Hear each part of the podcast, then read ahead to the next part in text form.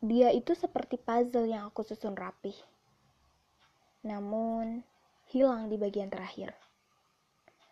Entah tersembunyi atau memang sengaja disembunyikan.